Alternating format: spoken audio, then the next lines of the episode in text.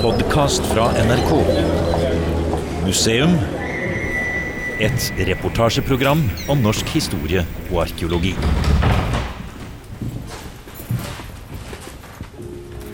I 2019 var det 150 år siden dronning Maud ble født. Det var litt av et jubileum, men kanskje ikke markert så veldig mye. Helt i starten av 2020 var det jo også en annen Maud, dronning Mauds tippoldebarn, Maud Angelica, som ble kjent for det store publikum gjennom hennes gripende tale ved farens bisettelse i Oslo domkirke. Det ga meg inspirasjon til å bla litt i museums katalog, og finne fram til både brukte og ubrukte klipp fra noen år tilbake, da museum var i London og Norfolk sammen med kongebiograf Tor Boman Larsen for å finne ut mer om hvem prinsesse og senere dronning Maud egentlig var. Denne reportasjen ble gjort høsten 2009, og det går jo an å nevne at reportasjeturen ble gjort på nytt i 2015, og da for fjernsyn. I appen NRK TV kan man søke med ordene kongelige fotografer, og da kommer det opp en hel times TV-dokumentar som handler om akkurat det som er innholdet i denne podkasten. Men nå tilbake til 2009 og biograf Tor Boman Larsen. Vi starter i London, i en stor, rød murbygning ikke langt fra Buckingham Palace. Vi har fått komme inn i Marlborough House, nå kontorer for Commonwealth, men dette var prinsesse Mauds barndomshjem. All visitors report to Gatehouse.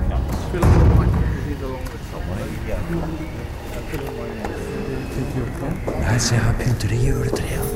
I første del av Dronning Mauds England besøkte vi Marlborough House i hjertet av London. Hvor da lille Maud har løpt ut og inn som liten pike. Dette var barndomshjemmet til den lille prinsessen av Wales, hvor hun vokste opp med sine søsken, og selskapslivet som fulgte med prinsen av Wales og prinsesse Alexandra. Hun var nok veldig motsetningsfull på den måten at folk som ikke kjente henne, opplevde det som fjern, sky, innesluttet, eh, litt blass.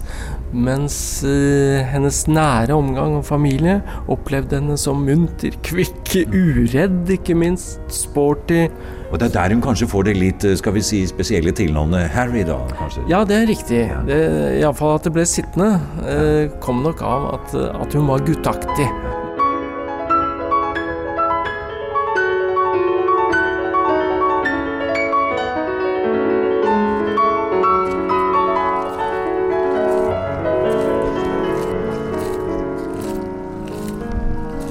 Her er vi inne på selve Sandringham Estate. Med små elver, plener For å finne det stedet som virkelig var dronning Mauds England, tok Tor Boman Larsen oss med ut på den engelske landsbygda. Dette var jo det kongelige paradis. Vi reiste nordover, ut til nordvestkysten av Norfolk, hvor den engelske kongefamilien helt fra midten av 1800-tallet har hatt sitt private tilfluktssted på det store godset Sandringham Estate. Det er vel ikke helt umulig at eh, både Maud og kanskje også Håkon har eh, tatt hesten og ridd bort hit? eh? Ja da, det var egentlig hver eneste dag. Bort hit om kvelden, og, og de kom over til te på Appleton. Disse dammene her ja. Nå er det jo ganske kaldt, men det er ennå ikke frosset. Men her gikk Edvard den syvende og hans barn, deriblant eh, prinsesse Maud, gikk på skøyter.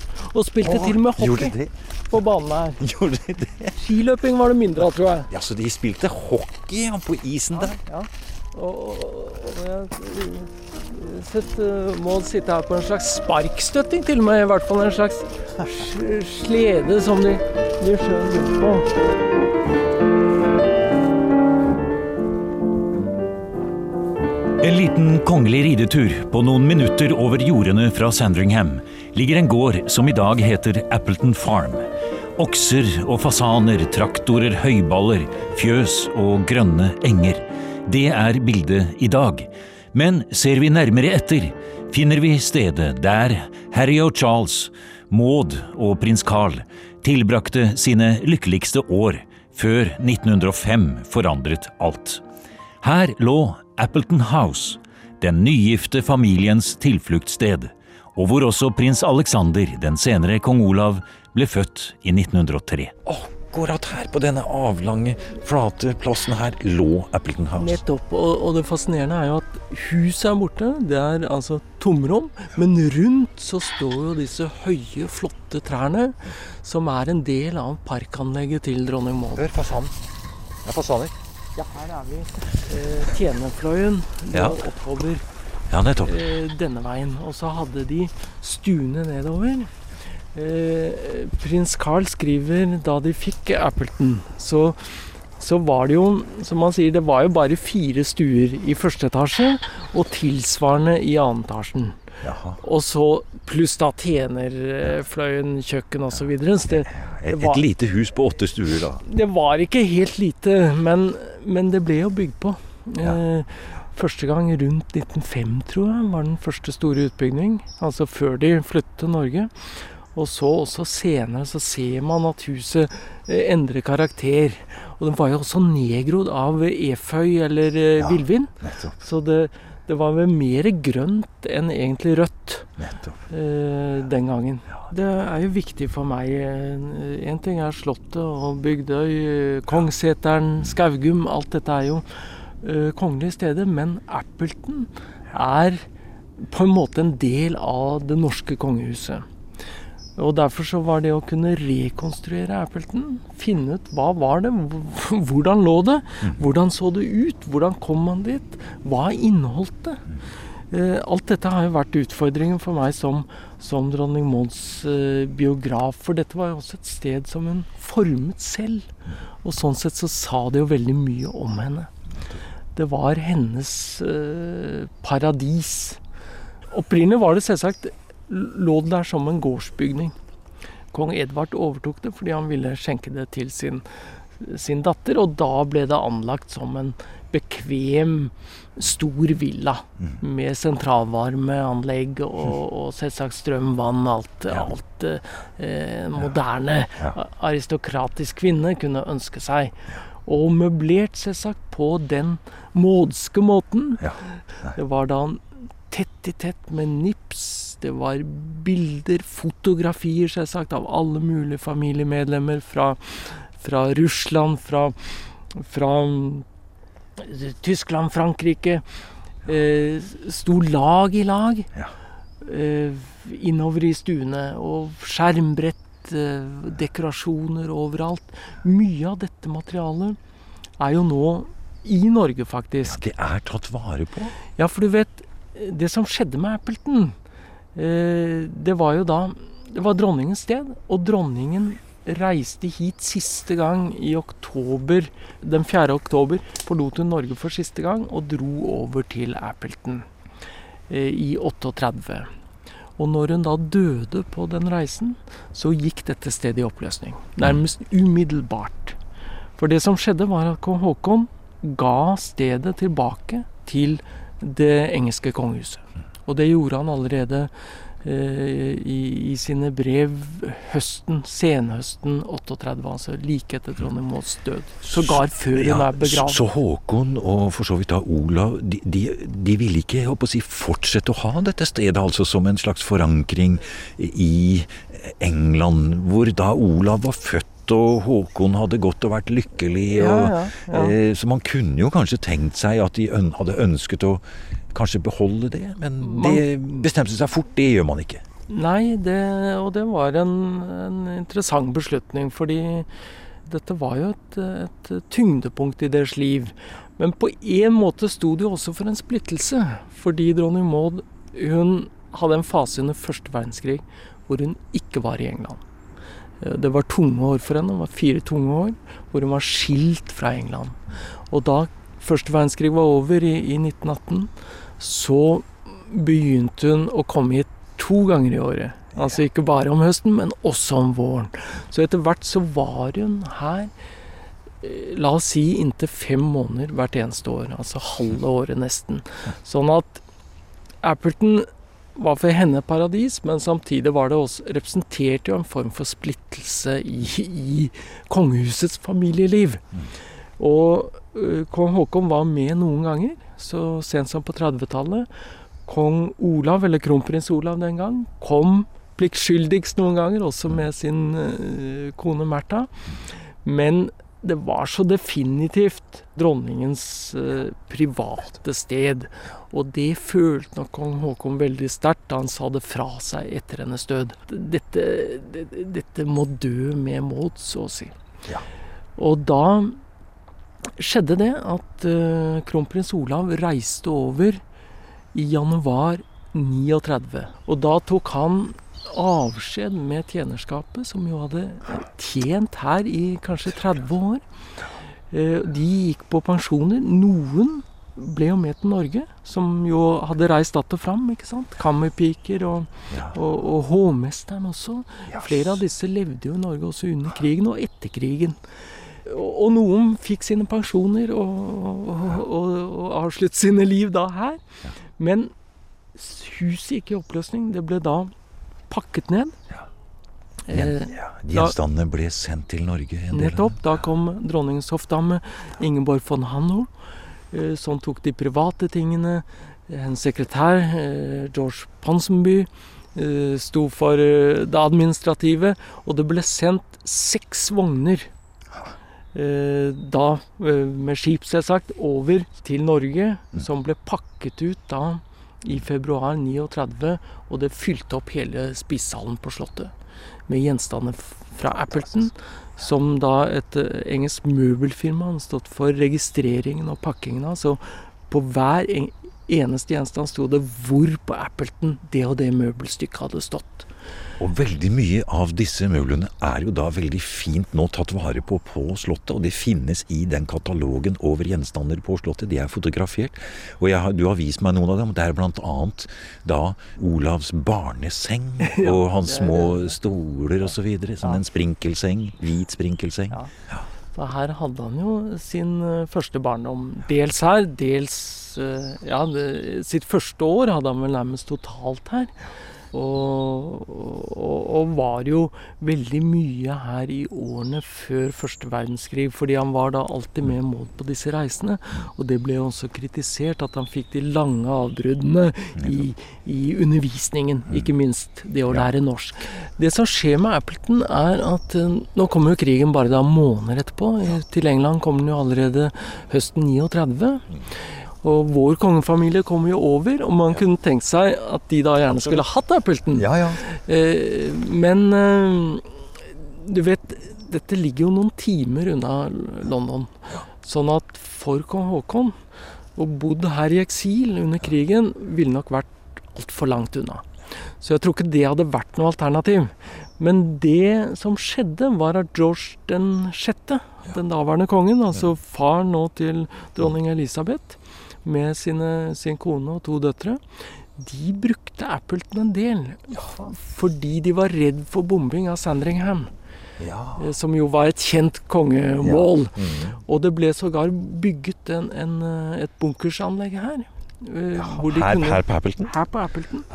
I, i tilknytning. Jaha. eh, Sånn at de kunne søke tilflukt ved eventuelle bombeangrep. Etter krigen så var det nok utleid en del. Men eh, ble også tidlig stående tomt. eh, eh, slik at når det ble revet da midt på 80-tallet, så skal det ha vært veldig forfalt. Så på en måte er jo alt intakt så nær som huset.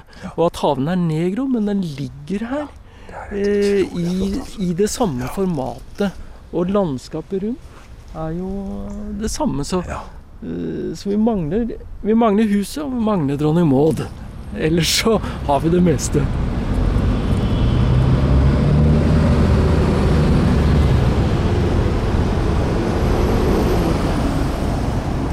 Dronning Mauds siste reise til Appleton var i begynnelsen av oktober 1938.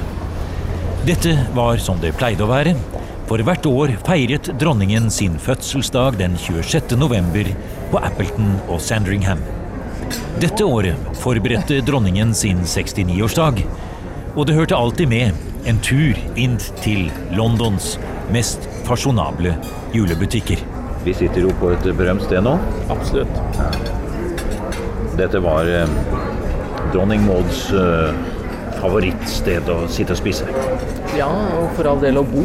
Eh, Når eh, både dronning Maud Hun kom jo alltid inn til London en tur når hun lå på Appleton for en uke eller to. eh, For å shoppe, for å omgås den kongelige familie, hvis ikke den lå på Sandringham. Men ikke minst shopping. Og kanskje også en liten dans. Og da tok hun inn her på det fornemste av alle byens hoteller, Claridges. Og hit kom også kong Haakon når han var i, i byen, hvis det ikke var noe spesielt offisielt, hvor de var eh, invitert til å bo på Buckingham Palace. Så likte man å være fri og frank, og, og da ha en suite stående her. Og, og, og dette er jo luksus i slottsklassen. Ja, det er krystall, det er glass, det er høyt under taket. Og, vi hadde jo en livrekledd mottagelse her av en fire-fem herrer i floss. Ja. Bare for å komme inn døren.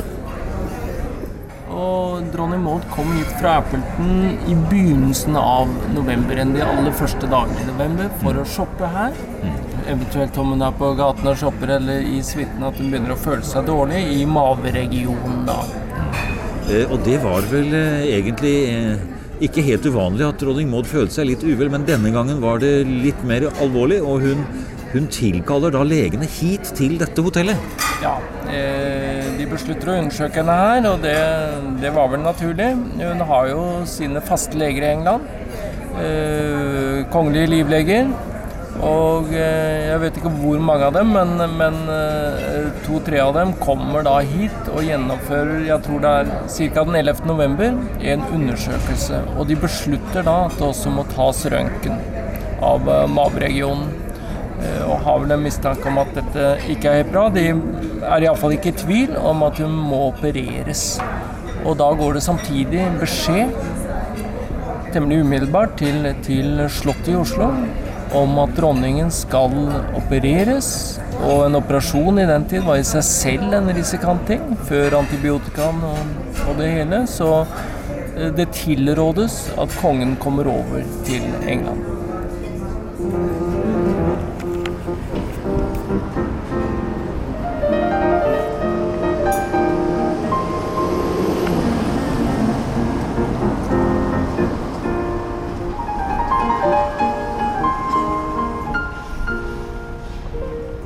Slottet i Oslo innkaller kong Haakon til ekstraordinært statsråd og reiser samme kveld over Berlin til London.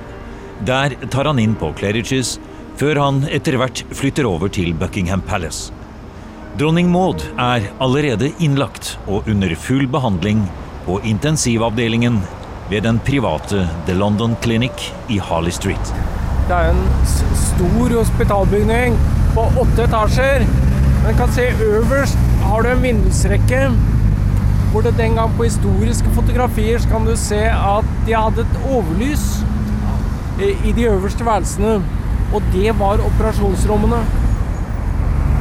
Denne adressen var for all del hemmelig. Eh, Og her har vi vel Se her. Her er det selve hovedinngangen, ja. Ekedører og skulpturer, planter. Og det het seg at eh, denne adressen skulle være hemmelig. Ingen skulle vite hvor dronningen ble operert. Eh, Hennes hoffdame Ingeborg von Hanno ga pressen beskjed om at det var hemmelig. Eh, Hvorfor kan man spørre seg, men det skal ha vært dronning Maud selv som hadde ønsket det. Og de som var leger der, det var heller ikke hvem som helst i forhold til kongehuset.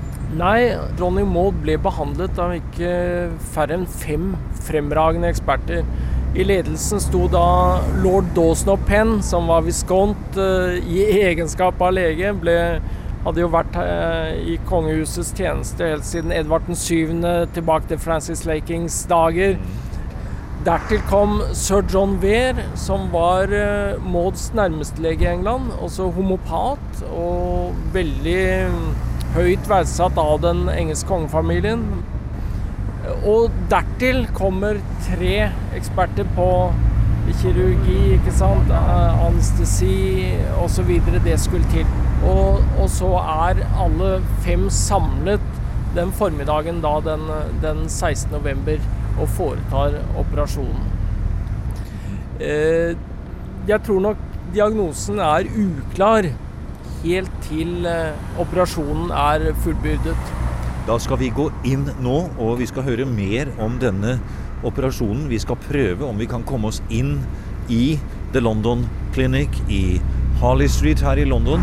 Eh, det er litt vanskelig å komme inn der. Vi har forsøkt å få litt tillatelser og sånn, men vi ønsker å komme inn i Hva var det egentlig som var grunnen til at dronning Maud måtte opereres, og hvilken sykdom led hun av egentlig? Ja, det var en stor hemmelighet den gangen, og det ble jo aldri opplyst. Eh, men eh, vi må gå frem i tid, og i 1985 så uttaler eh, daværende kong Olav for første gang at hans mor døde av kreft. Det var altså kreft i, i maveregionen her. Og det oppdaget man formodentlig først idet hun var under operasjon, og man så, så hva som hadde spredt seg. Og var det da det hun døde av også?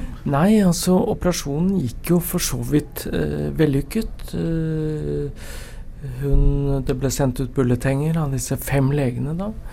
Og eh, om at alt var, var, gått i og for seg bra. Og hun våknet jo også opp igjen og mottok kongens besøk allerede samme kveld.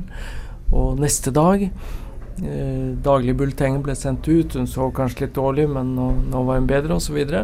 Og, så går det altså fra den, den 16. november til den 20.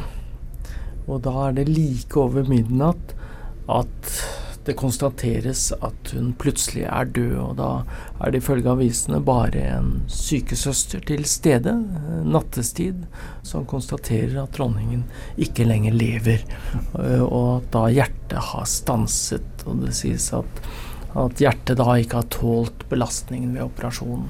Like etter tilkalles da legene. og Lord Dawson og Penn og, og sir John Weir de begir seg da til Buckingham Palace for å informere kong Haakon. Så selv om altså kong Haakon er til stede i byen, eh, så er altså ikke han der da akkurat når dronning Maud eh, dør? Nei, det er nattestid. Han har vært der eh, dagen før, og, og dronningen skal ha sin søvn. Og han har trukket seg tilbake, og det er ingen spesiell grunn til akutt engstelse. Tvert imot, man regner med at nå er, er det verste overstått. Eh, Dvs. Si at hun eventuelt da vil gå inn i et, eh, et, lengre sykeleie, men da på en helt annen basis enn akkurat operasjonen. Men eh, at hun da vil være kreftpasient. Er det konstatert helt sikkert hva som var dødsårsaken? Ja, nå, som biograf så vil jeg analysere dette litt ut ifra hva vi vet i dag, altså vår medisinske viten, og, og innhente litt eh, informasjon om det. Og på en måte gå gjennom hele denne gangen i, i sykeleie. Det er for så vidt interessant også hva, hva dronningen ant, og hva har hun visst? Hva har kongen visst? Hva har han ant? Eh, han uttaler jo etter eh, dronningens død, så gir han et raskt kommuniké hvor han sier at uh, Hennes Majestet Dronningen er død, og, og at uh, hennes livsgjerning er avsluttet. Og heldigvis ble hun spart for fremtidige lidelser som han visste måtte komme. Altså I flere av disse uttalelsene er det tydelig at Eh, kongen er informert at dronningen lider av en dødelig sykdom, som hun da på en måte heldigvis blir spart for. Fra London meldes at Hans Majestet Kongen i dag uttalte. Når Vår Herre har tatt dronningen fra meg nå, så er det et hardt slag, men jeg forstår at det er en styrelse, og at det er en vis og kjærlig forordning at så allikevel er skjedd. For derved at Herren har tatt dronningen nå, har han spart henne for lidelsen ved en fremtidig sterkt svekket helbred.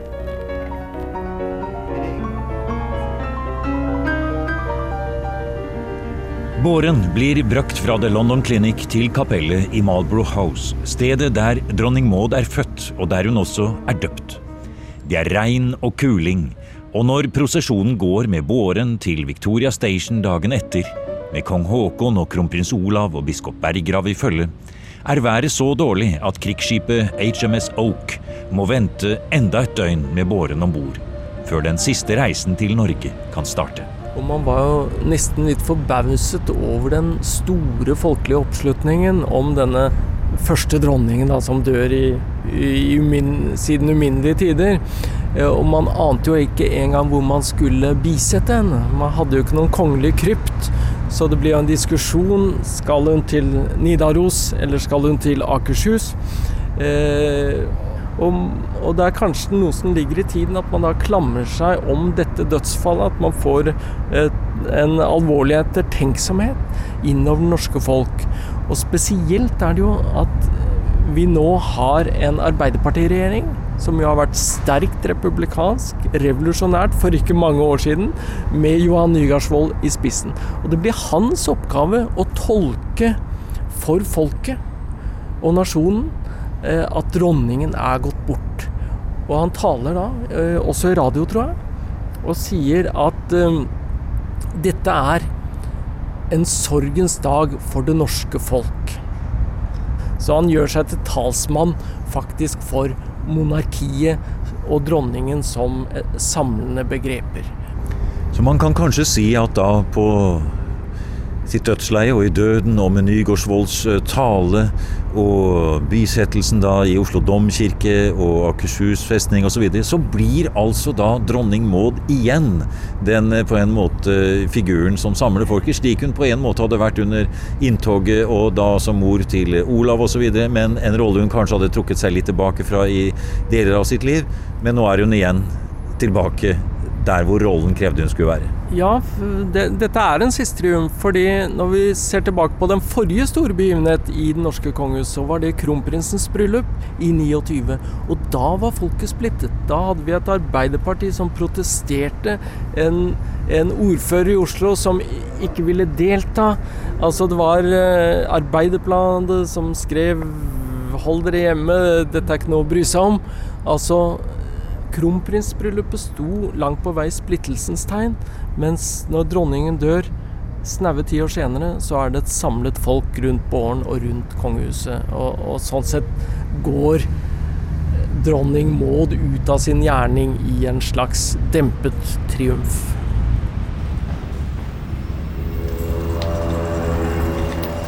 Du har hørt en podkast fra NRK P2.